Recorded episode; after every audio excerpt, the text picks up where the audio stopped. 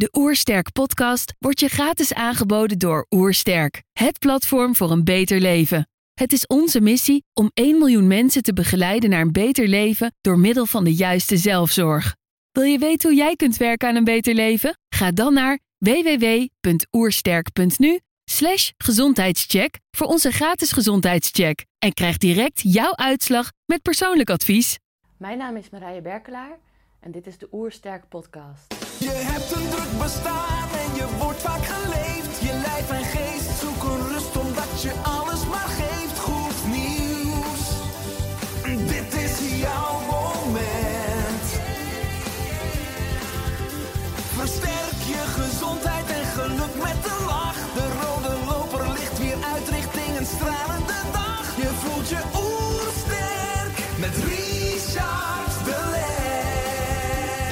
zijn hier in Heemskerk voor een podcast met Marije Berkelaar.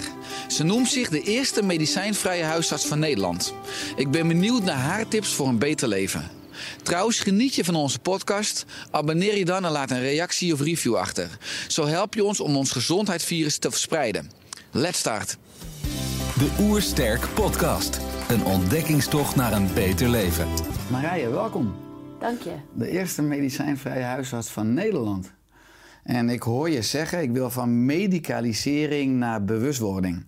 Ik voel me als huisarts soms net een drugsdealer, hè, een verlengstuk van de farmacie. Nou, daarom wil je eigenlijk uit dat keurslijf, hè, een medicijnvrij huisarts. Hoe ben je tot deze missie gekomen? Leuke vraag, dankjewel. En ook eh, heel erg bedankt dat ik hier mag zijn. Ehm, hoe het is gekomen, fysiek werd ik misselijk van het eh, voorschrijven van, niet per se voorschrijven van medicatie, maar wel het autoriseren. Het dagelijkse ritueel wat we als huisartsen doen. Is ongeveer een half uur doorklikken van alle herhaalmedicijnen. En daar voelde ik fysieke misselijkheid. En ehm, nou, daar besloot ik naar te luisteren. Dus dat waren echt werkdagen waarin je, zoals zeggen, tegen je eigen bezieling inging en letterlijk fysiek signalen kreeg dat het niet meer als het ware bij jou paste. 100 procent, ja. ja. Want wanneer ben je huisarts geworden? Eh, 4 juli 2019, dus afgelopen zomer, Oké, recentelijk. ben ik, eh, heb ik de opleiding afgemaakt. Ja. Dus al vrij snel daarna kwam je erachter, dit is niet mijn pad. Het pad waar ik gelukkig van word. Klopt. Ja. Ja, want je schrijft, eh, dat is prikkelend, hè, in de eed van Hippocrates, eh, die ik als arts aflegde, staat dat je geen schade mag toebrengen. Maar dat is wel wat ik doe wanneer ik mensen medicijnen geef. Hè, ik zie het lijf eh, als een prachtig stuk natuur. En in je lijf mag je geen chemie stoppen, maar alleen maar natuurlijke dingen. Ik vind het bijzonder prikkelend dat je als nou, huisarts eigenlijk tot deze visie eh, bent gekomen. Had je in je huisartsopleiding ook al interesse voor andere stromingen en visies? Ja, ja, ja. Ehm, eigenlijk eh, is het sinds het begin van mijn huisartsopleiding dat ik, ik noem het wakker worden, dat ik wakker begon te worden. Dat ik zelf vragen begon te stellen van, hé, hey, waar zijn we nou eigenlijk mee bezig? Wat doe ik? En eh, in hoeverre voelt dat goed? Sta ik erachter? En een stukje bij beetje ja, werden, eh, beantwoordde ik steeds meer vragen van mezelf, waarbij ik het eigenlijk niet eens was met de manier waarop we het doen. En een, een lichaam wat ziek is, is een lichaam wat ziek is, wat hulp nodig heeft. En een medicijn helpt eigenlijk nooit. Eigenlijk word je van geen enkel medicijn word je gezonder. Op de lange termijn. Ja, Ja. of op de korte termijn ook niet. Het is niet van, eh, het, is, het is iets bijdragends. Nee, het is, een, een, het is letterlijk een pleister die je even op een, op, ergens opplakt. Het is echt een quick fix die inderdaad wel de job doet, maar die eigenlijk eh, niet zorgt dat je gezonder wordt. En eh, in het systeem wat, ik, wat, wat mij heel erg tegenstaat, is dat we niet meer teruggaan naar de kern van waar iets nou werkelijk door komt. We gaan niet meer naar de kern van wat is de oorzaak van jouw probleem. Dat lukt ook niet, want daar hebben we helemaal geen tijd voor. Want we hebben een 10 minuten consult en eh, je mag blij zijn als je binnen 10 minuten de patiënt binnen hebt en ook weer eruit werkt. Ehm, en dan ook nog wat, wat woorden hebt gewisseld, nou dan mag je blij zijn. Maar of je nou echt tot de kern komt van hé, hey, wat is hier gaande? dat, dat gaat niet eens. Ehm, en dat is wel wat er wat mij betreft nodig is om iemand echt te helpen. Want het is echt helemaal niet moeilijk. Het is echt helemaal niet moeilijk als er iemand komt. Ik heb een probleem, ik heb pijn of ik heb een eh, ziekte of wat dan ook. Om er dan een pil voor voor te schrijven. Het is het makkelijkste wat er is. Ik zou bijna zeggen dat de hele geneeskunde en huisartsopleiding niet nodig is om het protocol te leren volgen. Ehm, maar het, het, je gaat aan de mens voorbij. En dat doet, deed mij werkelijk van binnen pijn. Dus ik voelde heel duidelijk misselijkheid. Althans, dat is nu mijn rationele verklaring daar, Mhm. daarnaar. En ik ben heel blij dat ik gestopt ben. Ja, Ja. want je bracht je boodschap om de eerste medicijnvrije huisarts van Nederland te worden in een video, hè, oktober 2019. Ja. Enorm veel mensen die daarop reageerden. En eigenlijk voor mij al ruim 2000 mensen waarmee je in theorie een eigen praktijk zou kunnen starten. Ja. Nou, je gaf al aan, ik, eh, ik heb een andere, andere koers eh, in gedachten. Veel mensen die je positief eh ondersteunen, feedback gaven, maar ook zeker ook een aantal vakgenoten eh, met, met kritiek. Ja. Eh, hoe was dat voor jou? Toch het moment dat je uiting durfde te geven aan je, nou ja, aan je, aan je wens, aan je, aan je blauwdruk mogelijk wel? Ja, zeker. Ja, blauwdruk, dat is een mooi woord. Dat, zo zie ik het ook. Eh, als ik door was gegaan, dan was ik iets aan het doen wat Mhm. niet mij was, maar wat puur was op basis van de verwachtingen van andere mensen. Ehm, dus blauwdruk is een mooi woord, maar hoe was dat voor me? Alles. En met alles bedoel ik, het was zowel geweldig als verschrikkelijk moeilijk en stressvol. En alles ertussenin. Ja. Ja, maar je had neem ik aan een baan, of tenminste je was... eh, je had niet je eigen je huisartspraktijk, maar je was waarnemend, Waarnemend huisarts. Ja. Dus je had daar inkomsten uit. En eh, nou, veel mensen zijn toch wel enigszins gebonden aan een stukje zekerheid. Ik bedoel, je weet wat je hebt en je hebt ervoor gekozen om die zekerheid op te geven. Ja. Alles in het leven is natuurlijk per definitie een schijnzekerheid. Maar dat, en de sprong te wagen naar datgene wat je, waar je echt gelukkig van wordt, waar de energie beter stroomt, maar iets nieuws op te gaan bouwen. ja. Eh, wat, is het, wat is de leukste reactie die je hebt gehad? Oh, dat vind ik een leuke vraag. Nou, wat ik heel leuk vond is dat ik heb best wel een aantal ook reacties gehad van eh, mensen die zeiden...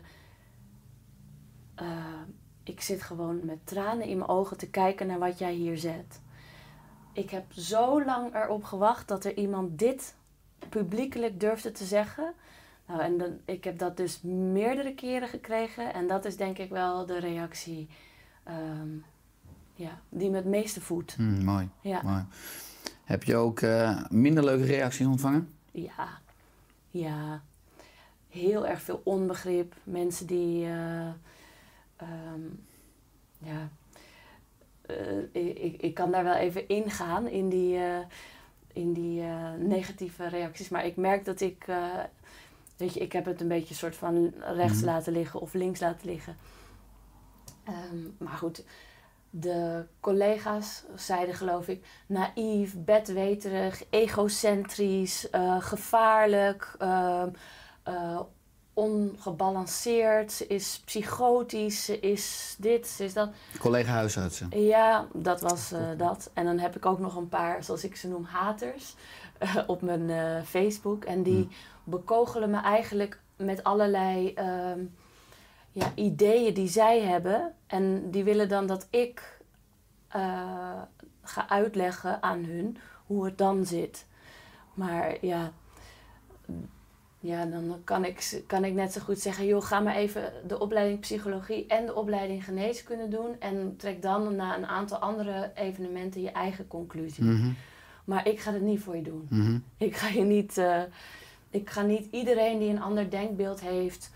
overtuigen van mijn denkbeeld. Mhm. Nee, Nee. want je hebt de geneeskundeopleiding gedaan.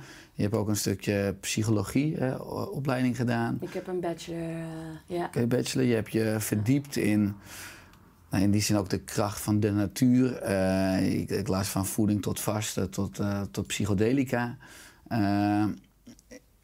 Hoe ziet, Want ik hoor je over, ook, eh, ik heb natuurlijk me, me voorbereid op dit gesprek over zelfliefde en mensen wakker maken. En echt teruggaan naar de oorzaak van de oorzaak, waar ik zelf ook altijd over praat. Hoe zou voor jou een ideale praktijkvoering eh, eruit zien? Dus als je dan wel die huisarts of die arts van de toekomst bent, hoe zou je dan eh, dat spreekuur inrichten? Ja, ja mooie, mooie vraag ook weer. In de ideale situatie, mijns inziens, zit, ehm, zit er een huisarts die meer als mens werkt dan als huisarts. Dus die minder aan de protocollen vasthoudt en meer contact maakt, echt contact maakt van mens tot mens.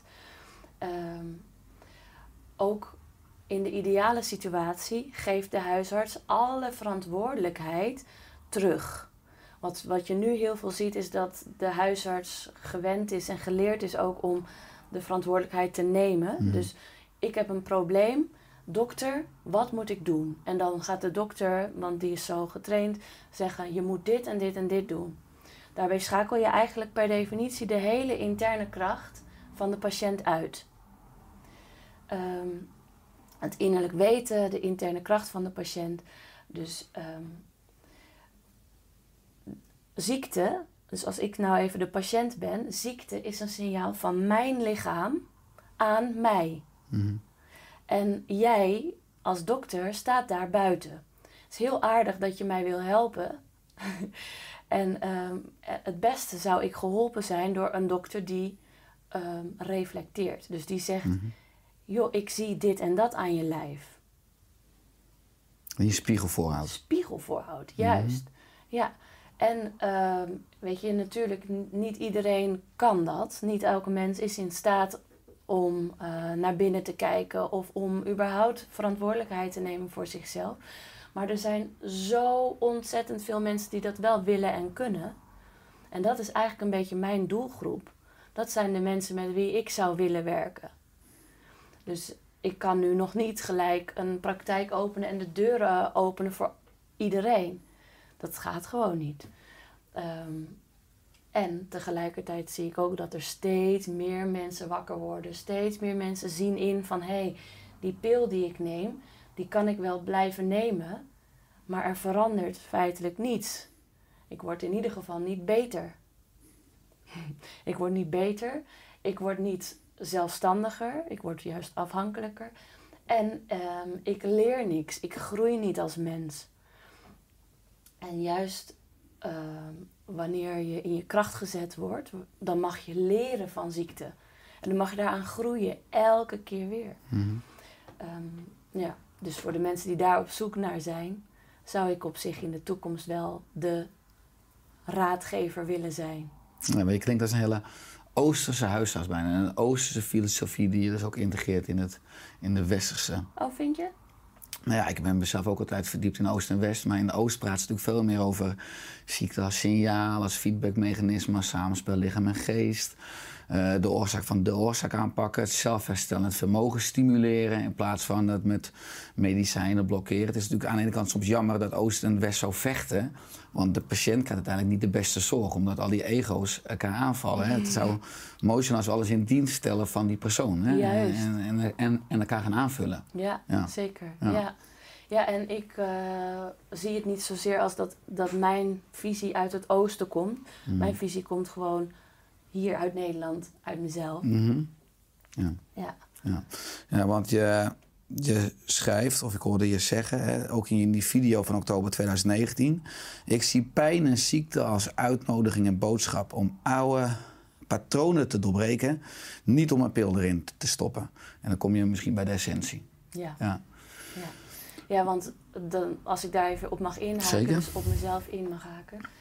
We zijn natuurlijk de hele tijd patronen of aan het voortzetten of aan het veranderen. Ja. Maar dat veranderen, dat is maar ongeveer 1% van de koers die je vaart. Dus eigenlijk elke dag 99% van wat je doet, is een patroon.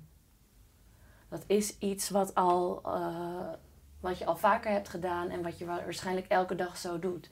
En het lukt ons eigenlijk ook niet om meer dan 1% ongeveer per dag van die patronen te veranderen. Ehm, het is jammer als er een uitnodiging is van je lijf, om te veranderen en je pakt die ook niet. Snap je? Mhm. Van, ah, het is gewoon weer een gemiste kans. Zo. Ja, want we zijn als mensen natuurlijk eh gewoontedieren. We worden in de kindertijd al geconditioneerd met nou, hoe we horen te leven. En Dat hoor ik jou ook zeggen, dat het een levenskunst is om buiten het systeem of buiten verwachtingen van anderen te gaan leven. Maar dan vooral eh, uiting te geven aan hetgene wat je zelf belangrijk vindt of waar je zelf gelukkig van wordt. Ja. Eh, hoe ben je zelf op een punt gekomen in jouw leven dat je dus nu ook echt jouw pad durft te gaan? Of zei je van dat had ik als jong meisje al, dat ik heel erg altijd mm, voor mezelf op durfde te komen? Mm. Nou, grappig, als jong meisje wel. Ja, als jong meisje wel. Ehm, bijvoorbeeld een voorbeeld is dat, dat ik toen ik 12 was, toen eh, heb ik besloten dat ik een paard wilde. Dat mocht niet van mijn ouders, want die konden dat niet betalen. Dus toen ben ik zelf gaan sparen. En anderhalf jaar later had ik 3.500 gulden bij elkaar. En heb ik een paard gekocht. Dus eh, dat zat er wel altijd in, maar het is een tijdje weg geweest. Ik denk van dat ik ongeveer 17 was tot ik 27 was. ehm, heb ik daar met die, met die creatieve, met die eigenzinnige kern van mij... heb ik eigenlijk even geen contact gehad, maar die is weer wakker. Hmm. Dus ja. Dus een groot deel van de geneeskundeopleiding ben je dan uit contact geweest. ja. Gewoon lekker slapen. En daarom ging het ook zo goed, denk ik. Mhm. Want eh, ik geloof dat jij tijdens je geneeskundeopleiding heel erg wakker was. Kooschappen, ja, ja, ja. En had je het nou wel of net niet? eh? Ik heb uiteindelijk geen artsexamen gedaan. Nee, Nee. nee. Nee. klopt. Ik heb het tot dat punt niet gered, omdat ik mijn bezieling ook al tijden kwijt was en steeds moeier werd en afviel. En op vrijdagmiddag dacht, eh chips, ik moet maandag weer heen. Dus het was op een dinsdagmiddag juli 2007. Ik werkte toen eh, in het medisch centrum Alkmaar. Maar gewoon op een dinsdagmiddag dat het de druppel was. Dan spreekwoordelijk in mijn kluis leeggehaald heb en iedereen een hand gegeven heb. En, eh, ik zeg, ik ga mijn eigen weg, wat ga je doen? Nou, dat wist ik niet. Die weg moest nog gecreëerd worden. Maar uiteindelijk, nu heb ik makkelijk praten. Maar zeker de jaren van 2007 tot 2011 zijn enorm uitdagend geweest. Toen was de tijdsgeest ook nog wat minder met voeding en leefstijl bezig. Toen ik me uitschreef bij de Bali in, eh, in de VU. eh, toen vroegen ze van, eh, weet je zeker dat, je niet eens met een psycholoog wil praten? Ja. Nou, die kan genoeg dia- diagnoses vinden bij mij. Maar ik, ik wist het zeker dat het een goede keuze was en dat ik niet hoefde te praten. Hebt hem, die, die jongen moet wel gek zijn, hè? Ja, die, ja, dat kan ja, niet kloppen. Ja, ja klopt. Ja. Nou ja, daar is natuurlijk zeker moed voor nodig. Omdat, eh, het was ook enorm spannend, omdat ik wil ook huisarts worden. Maar dan heb je natuurlijk een rode loper gewoon qua opleiding en qua inkomen. En, qua, en ik was natuurlijk zo eigenwijs om mijn eigen weg te gaan. Maar uiteindelijk is het de beste keuze die ik in mijn leven gemaakt heb. Maar vanaf mijn eerste boek, eh Oersterk, in juni 2012, is alles wel makkelijker geworden. Omdat ik niet per se een omgeving had die me begreep of steunde, ook hier lokaal. Maar dankzij een boek of nu dankzij bijvoorbeeld Facebook en de moderne media kom je natuurlijk ineens nationaal. Waardoor je ook veel meer steun krijgt en ervaart. En dat je ook voelt van, er zijn heel veel mensen die op mijn boodschap wachten. Want hoe reageerde jouw naaste omgeving? Oh, dat is een eh, leuke vraag. Ik kom niet uit een gezin dat bekend is met eh, biologisch eten, spiritueel ontwikkelen. Of het is gewoon. Ik kom uit een heel gewoon Nederlands gezin. En mijn, eh, mijn familie die kan me soms niet goed volgen. Meestal niet. Dus eh, inmiddels heb ik zo'n groep mensen om me heen gecreëerd die me wel helemaal begrijpen en dus ook kunnen steunen vanuit het begrijpen. Dus dat is heel fijn. En, en mijn familie die... ja, ze steunen me wel, maar ze begrijpen er niks van. Nee. Nee. Nee, ja, dat is dan ook lastig natuurlijk. Want als jij verandert, dan moeten zij dan ook nou, se mee veranderen. Maar ze hebben natuurlijk ook altijd een mening over. eh, soms ook wat ik zelf ervaren heb toen ik zelf de keuze maakte, dat sommigen eh, het misschien zelf jammer worden dat, dat hun vriend of wij spreken neef of eh, geen huisarts of specialist is. Dat is toch misschien al fijn vanuit ego om te kunnen zeggen dat. En nu was ik ineens een moderne kwakzalver in de ogen van, van velen, wat ik inmiddels een eretitel vind. Ja, ja Eh, maar, maar, maar als je groot droomt, hè, waar, waar zie je dan over, eh, over één jaar of over drie jaar? Ik, eh, Ja. dan zie ik mezelf naast Oprah Winfrey en Tony Robbins. Ja, dus je zet groot in. Ja. Ja. Dus niet gelijk Nederland of Nederland-België, maar gewoon...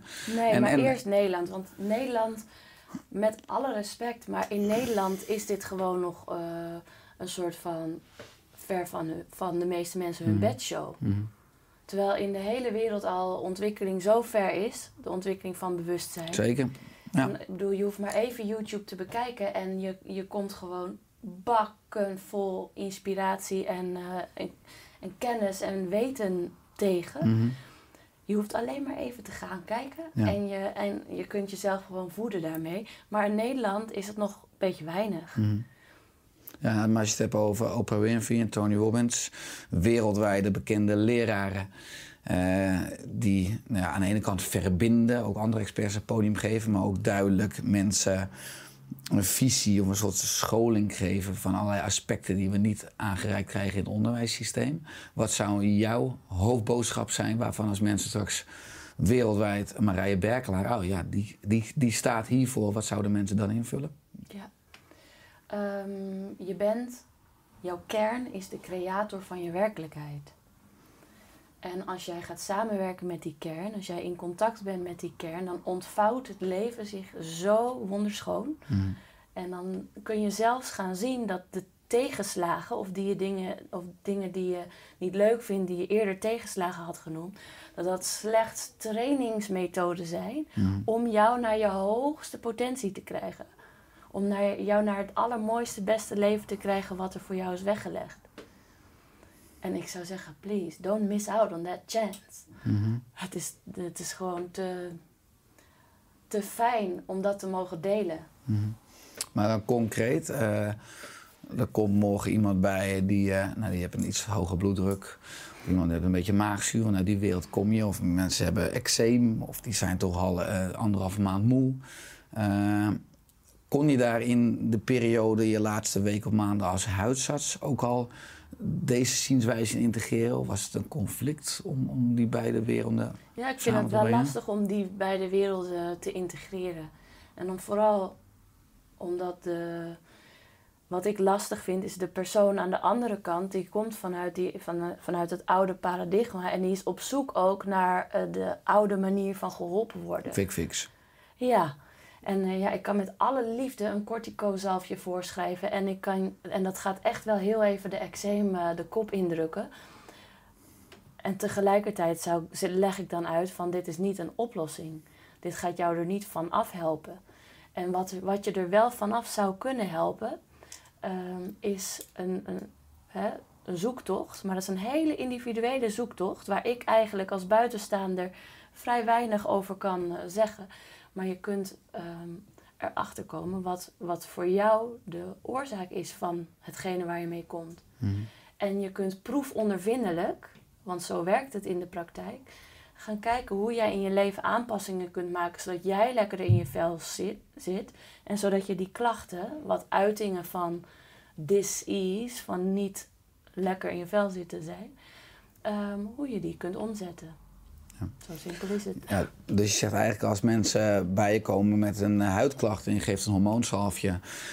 Is het net alsof het olielampje brandt op het dashboard van een auto. Dat eh, lampje draai je eruit, gooi je weg. Je zegt het probleem opgelost. Maar jij zegt het is terecht een, een, een projectie uit die motor. Dus uit het, het lichaam is de spiegel van het leven. En iedere signaal is feedback. Eh, maar als mensen luisteren en kijken. en die denken, ja verrek, het is interessant. Want ik ben zelf moe. Of ik heb zelf een huidklacht of darmklachten. En eh, is er dan, ik weet dat het lastig is, want er is geen protocol. eh, maar is er een soort stappenplan of een goede eerste vraag die je jezelf kan stellen om meer inzicht te krijgen van wat wil dit signaal mij vertellen en hoe kan ik hiervan groeien of leren? Mooi, ja. Eigenlijk geef je het antwoord al eh, in je vraag. Maar je kunt jezelf letterlijk vragen: op welke manier zorgt mijn lichaam nu voor mij? Door dit signaal. Je lijf is eigenlijk, je lijf heeft maar één taak en dat is zorgen voor jou. Dat is eigenlijk de enige, niet eens het woord eigenlijk, dat is de enige taak van je lijf. Dus, ehm, en het lijf, wij luisteren helemaal niet meer naar het lijf, want dat hebben we helemaal niet geleerd. En dat is helemaal niemand zijn schuld, want de mensen van wie we het niet hebben geleerd, die hebben het ook niet geleerd. Dus we mogen dat nu allemaal zelf ontdekken. Maar zodra we gaan luisteren naar ons lichaam, komen we erachter dat in elk moment, elke cel, elke zenuw, elk millimeter van je lijf geeft je signalen. Dus zelfs als je nu bijvoorbeeld zegt: hey, ik zet mijn bewustzijn open voor mijn gevoelens in mijn rechter grote teen. Ineens voel je iets in je rechter grote teen. Ik weet zeker dat je de afgelopen twee minuten niets gevoeld hebt in je rechter grote teen. Dus zodra jij alleen al de bereidheid geeft om te willen luisteren naar je lijf, dan voel je je lijf. Dan zal je lijf heel subtiel en steeds duidelijker, dat wel, ehm, je gaan vertellen wat er aan de hand is. Mhm. Maar als jij een klacht hebt, een hele simpele klacht, of een moeilijke klacht, dan kun je jezelf altijd vragen: waar heb ik niet naar mijn lichaam geluisterd? Wat probeert mijn lichaam me te vertellen? En hoe zorgt mijn lichaam op dit moment voor mij? En je hoeft echt niet direct cognitief, dus met gedachten, het antwoord te weten. Stel die vraag maar. En wacht maar. Want het antwoord komt ook wel. Soms niet direct, want soms ben je nog helemaal niet klaar om het antwoord te horen. Maar dan komt het wel in de tijd erna, wanneer je er wel klaar voor bent. Maar alleen al door die vragen te stellen aan je eigen lijf, zet je de, de poort open. En kun je dingen ontvangen. Ja. Ja, maar als je dan het lichaam. Dat is natuurlijk voor mensen ook uitdagend. Als mensen. Als je het lichaam ziet als spiegel van het leven, kan natuurlijk een signaal, wat we in de geneeskunde een klacht noemen, voortkomen uit een conflict in je, in je financiële domein van je leven, in je seksuele domein, in je mentale, emotionele, fysieke, in je sociale. Dat zijn allemaal domeinen. Als daar onbalans of conflict in zijn, dan kan je lichaam eh, dat gaan uiten. Maar wat je zegt, het, de oude paradigma is natuurlijk dat mensen zeggen van ja, ik heb maagzuur, dus ik heb een probleem in mijn maag. En Jij hebt een pilletje om die maagzuur te remmen. En ja, ik snap niet zo goed waarom ik dan moet nadenken over mijn financiën, over mijn sociale contacten, of over mijn seksleven of over mijn emoties. Want het is, zit in mijn maag. Hè? Dus, dus er moet nog een enorme vertaalslag eigenlijk plaatsvinden in de hele geneeskunde. Dat we snappen eh, dat iedere klacht een soort zoektocht is, een soort speurtocht. Ja. eh, van, eh, ja, veel meer van de stilte opzoeken. En maar lichaamsbe li- lichaamsbewustzijn creëren. Dat is eigenlijk wat je noemt. De meeste 100%. mensen die Ja, leven in hun een kop en hun lijf bungelt eraan vast. ja, Ja. ja. Is dat bij jou ook in die tien jaar geweest? Als jij van je 17e tot je 27e, dat je vooral in je hoofd overleefde? 100 procent. Ja. Is er toen een moment geweest dat je genoodzaakt werd om meer naar je lichaam te luisteren? Ehm, ja, in de zin dat ik heb een, een vriendin ontmoet die eh, lifestyle alchemist en holistic nutritionist. Dus die weet alles van voeding en eh, levensalchemie. En eh, we hadden gelijk zo'n zo'n goede klik. Maar ik heb dus met haar twee jaar lang cognitief, want dat is het enige wat ik kende, gevochten letterlijk. En ik was niet de makkelijkste, dat kan ik je wel vertellen. Ehm, voordat zij eigenlijk door de barsjes van mijn, van mijn denkwereld heen kwam. En voordat zij mij kon laten... Ja, zij heeft mij werkelijk de ogen geopend. Om te laten begrijpen dat hoe ik de wereld zag... dat dat niet de enige manier was. Mhm. En daar ben ik heel blij mee. Ja, wat is de belangrijkste les Ehm, die je van haar hebt geleerd? Dat vind ik een mooie.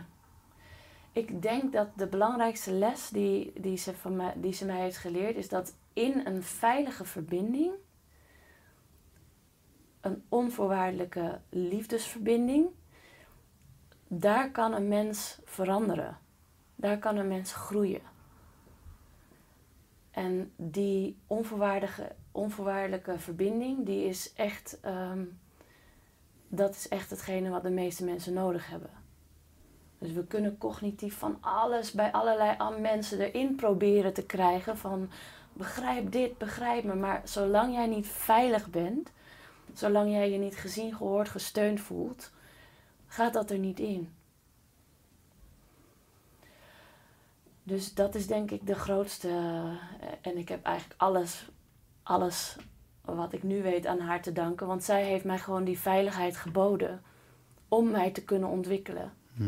Om, ja, om dus ook af en toe, heel vervelend, maar tot de conclusie te komen dat mijn denkwijze ehm, achterhaald was. Of niet, niet meer klopte met de nieuwe inzichten die ik opdeed. Dat is helemaal niet leuk. Dat is echt hartstikke vervelend. Kun je een voorbeeld geven van waar, wat je dacht, maar niet bleek te kloppen? Ehm, zij heeft een, uh, zij is heel erg ziek geweest. Zij had een, uh, een lymfocyte, dus een witte bloedcellenaantal van heel erg klein, bijna verwaarloosbaar klein. En ik met mijn opleiding raakte helemaal in de stress, want zij wilde niet naar de reguliere geneeskunde gaan. En, uh, en uh, ze had dus waarschijnlijk leukemie, dus bloedkanker. En zij geloofde dat ze dat, dat, ze dat zelf kon oplossen. En ik niet. Dus mm -hmm. ik, ik uh, ja, heb behoorlijk veel stress gehad en ruzie gemaakt met haar daarover. Um, maar het kan wel. Het kan wel. En als heeft zij laten zien, heeft zij aangetoond? Ze heeft het gedaan, ja. ja. Ze is, ze, haar bloodcount is nu weer helemaal normaal.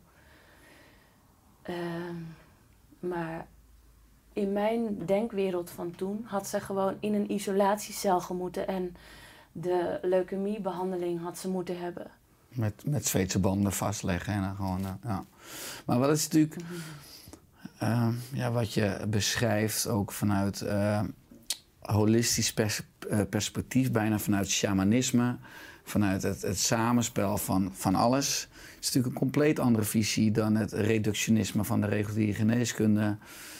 Is het soms ook niet ja, een gevaarlijke positie die je hebt, omdat je als huisarts, tenminste het woord huisarts wordt ook al geassocieerd, dat je gewoon ook kan of ze moet zeggen van soms zijn medicijnen gewoon nodig en ook wenselijk en ook fijn, het liefst zo kort mogelijk op de lange termijn de oorzaak aanpakken? Of uh, ben je inmiddels van de stroming van alle medicijnen zijn per definitie niet nodig of overbodig of gevaarlijk? Hoe, want ik neem aan dat mensen ja, daar natuurlijk best ook vakgenoten verantwoordelijk op houden. Van, uh, ja, dat kunnen we als huisarts natuurlijk nooit uiten of zeggen. Of ook weer vanuit hun wereldbeeld. Want het is gewoon onmogelijk om in bepaalde situaties of patiënten of casussen medicijnen niet voor te schrijven of juist af te gaan raden.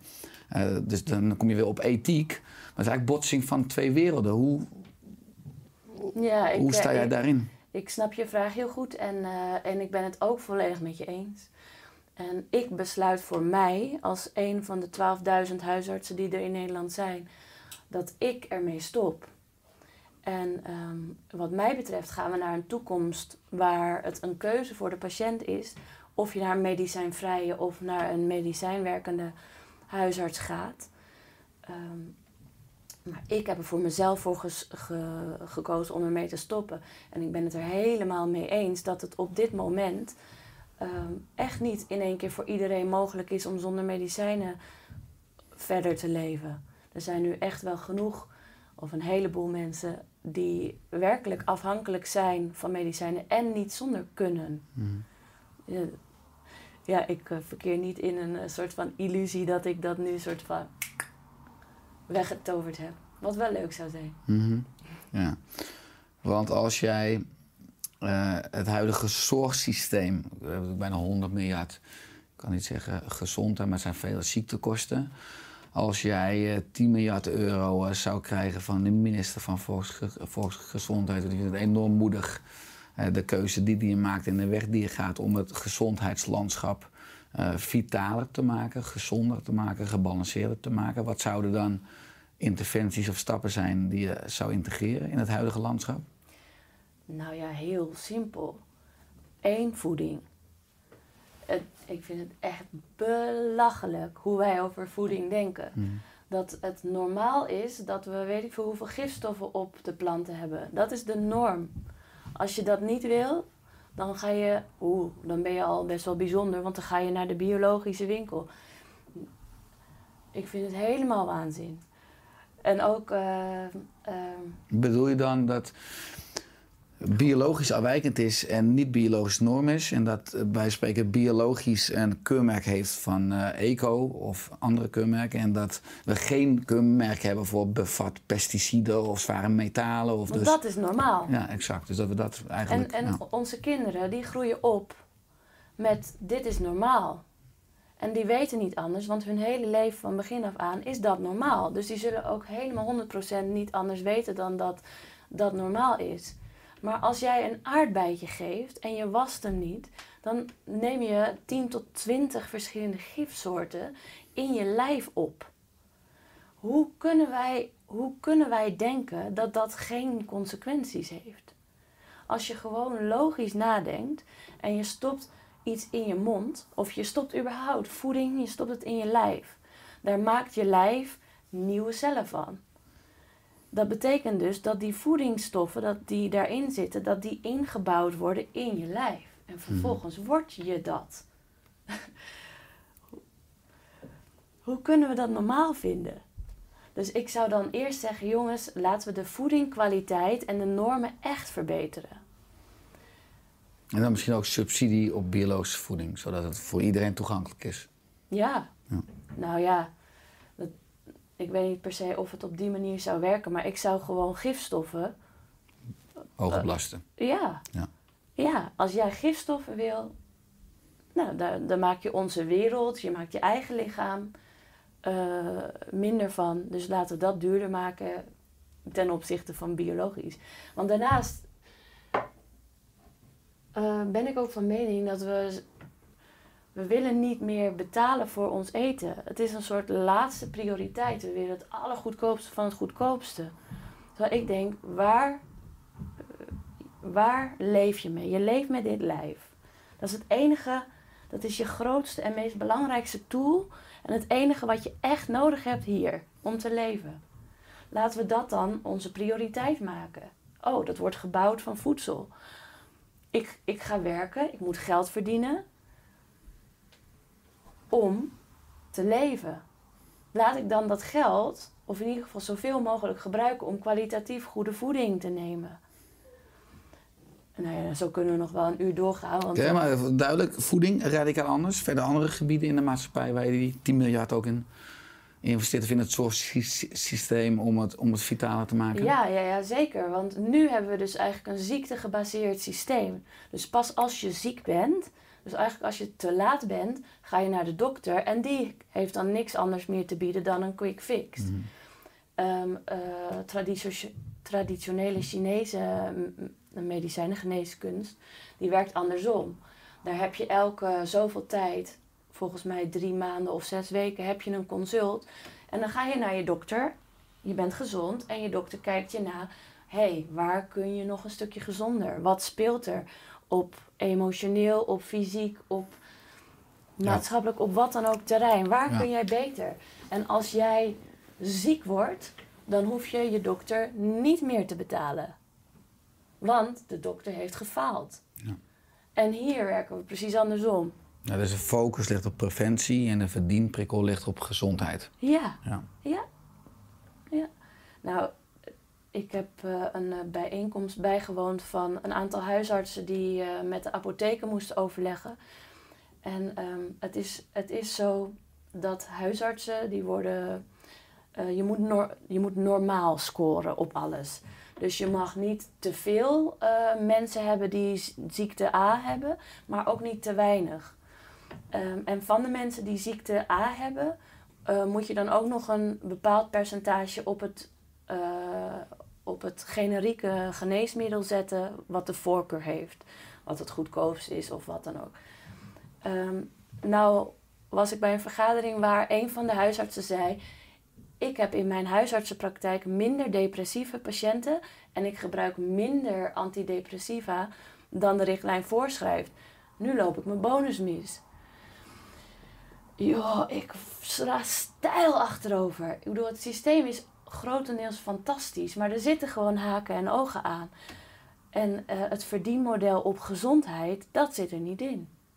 Wat mij betreft, hoe gezonder jouw populatie, hoe meer geld je krijgt. Precies, dat de hele zorgverzekeraar verdienprikkel naar huisarts helemaal anders wordt ingericht. Zodat huisartsen ook gemotiveerd zijn. Dan is het bijna helaas financieel gemotiveerd in plaats van intrinsiek gemotiveerd. Als ze samen gaan is het natuurlijk het beste. Ja, want ik geloof eigenlijk dat alle huisartsen wel intrinsiek gemotiveerd zijn om hun patiënten zo gezond mogelijk te maken. Echter, we hebben de tijd en de, de motivatie ook niet meer.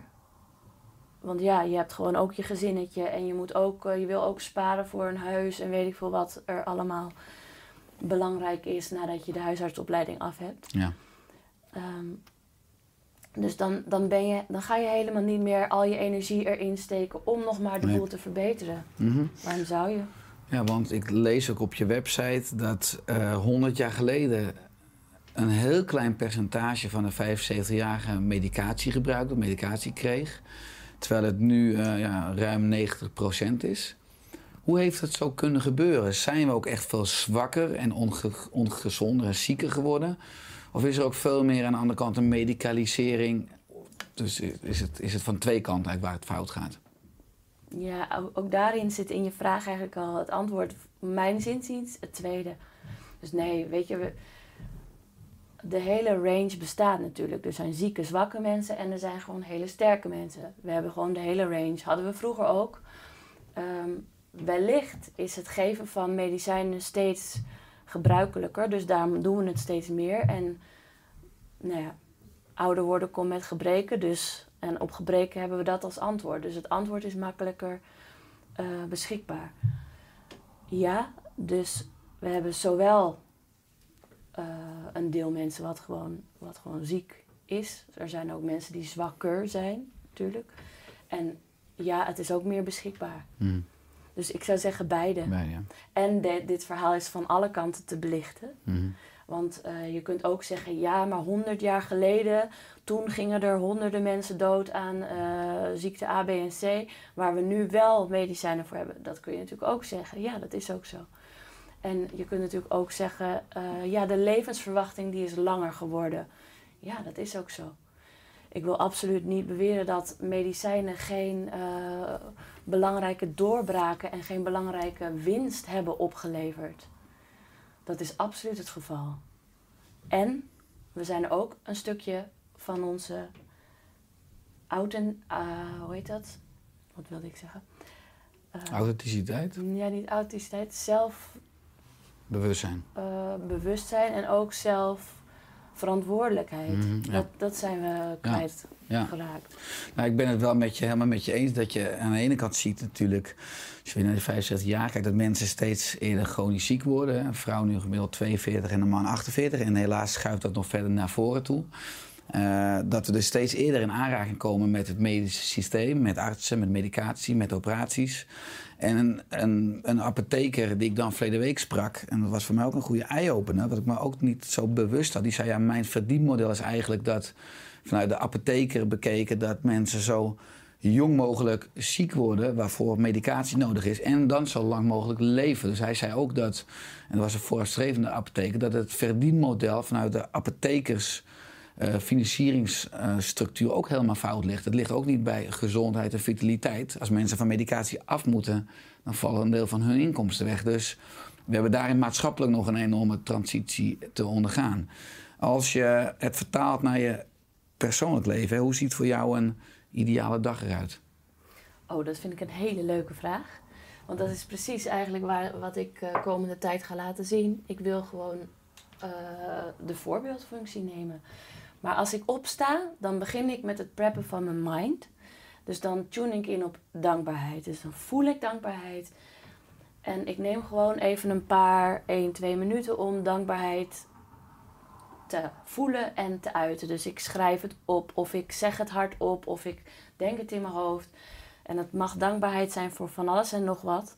Soms is het, oh, ik ben, ik ben zo dankbaar dat ik voeten heb. Of, oh, ik ben dankbaar vandaag voor de kleur blauw. Ik ben dankbaar voor, nou, voor mijn huis, of voor mijn kat, of voor mijn kleding, of voor, oh, ademhalen. Of, oh ja, deze kwam laatst op. Ik ben dankbaar dat ik Marije mag zijn. Wauw. Nou, in ieder geval, dus dankbaarheid is het eerste, zodat ik even die goede mindfrequentie eh, te pakken heb. En dan ehm, eh, neem ik heel bewust een glas water. En dan doe ik soms wat citroen in of wat citroenolie. Maar dan zorg ik dat ik echt bewust dat glas water drink. En ehm, wat, wat er verder ook op mijn lijstje staat, is bewuste ademhalingen. Ik neem een aantal bewuste ademhalingen. En dat kunnen er drie of tien zijn. Maar dat brengt me echt even helemaal in, oké, de dag is begonnen. En ook vandaag ben ik een bewuste creator. En ook vandaag mag ik weer mijn eigen frequentie bepalen. En mag ik weer manager zijn over dit geheel. Ehm, ja, en wat, wat er in mijn ideale dag dan, dan gebeurt is eh, een beetje mediteren, een beetje natuur, een beetje sport, eh, een beetje socializen. Dan als het, als het kan ook nog een eh, mooie ontmoeting of een, die, die verbinding, die veilige verbinding met iemand beleven. iemand toevallig inspireren of raken of zoiets dergelijks. Ja, en dan nog wat leuke dingen doen, wat, wat delen met de wereld. Ehm, en voordat ik dan ga slapen, wil ik altijd weer eventjes intunen op: oké, wat waren de winstmomentjes van de dag? Wat, wat, wat waren dingen die ik vandaag voor het eerst heb mogen ervaren? En in welke manier ben ik vandaag gegroeid? Dat ik even intune op de mooie dingen van de dag. Want onze mind is uh, behalve briljant, heeft hij ook een uh, neiging om naar het slechtste te, trekken en daarop te gaan herkauwen. En als je daarmee gaat slapen, dan prep je jezelf eigenlijk voor de slechtst mogelijke nacht en de slechtst mogelijke volgende dag. Dus uh, zoiets. Die negativity bias omzaaien, dus al die aanleg van het oerbrein om altijd oog te hebben voor datgene wat er niet is en wat er misgegaan is. Juist hoe je je dag als dat heel erg proactief, bewust. Uh, dus heel erg uit die gewoontes, maar, maar continu uh, eigenlijk dus in dat scheppings- in het creatieproces. Ja. En, en waar gaat het scheppingsproces heen? Wat is je ambitie? Want normaal je wil je missie ook vorm gaan geven via YouTube en via social media. Via, nou, je bent ook af en toe ook een spreker. Uh, je bent ook docent medische basiskennis. Uh, maar je krijgt misschien heel veel aanvragen. Wat is je, je, je ambitie voor aankomend jaar voor 2020? Voor mezelf? Ja. Um, voor mezelf is Ehm, ik doe nu de opleiding alchemie. En ehm, in de tussentijd, in dit jaar, uh, wil ik influencer worden. Dus wil ik zoveel mogelijk mensen beïnvloeden uh, op dat unieke pad. Op dat hele eigen pad van jezelf zijn en jezelf uh, beter maken. Hoeveel mensen? Hoeveel... Heb je dan over Nederlands? Ben je dan al in, in Oprah Winfrey, Tony Robbins achter nee, groot aan denken? Ik, ik, neem één jaartje okay. in mijn hoofd. Dan heb ik één jaar voor Nederland. Heel goed.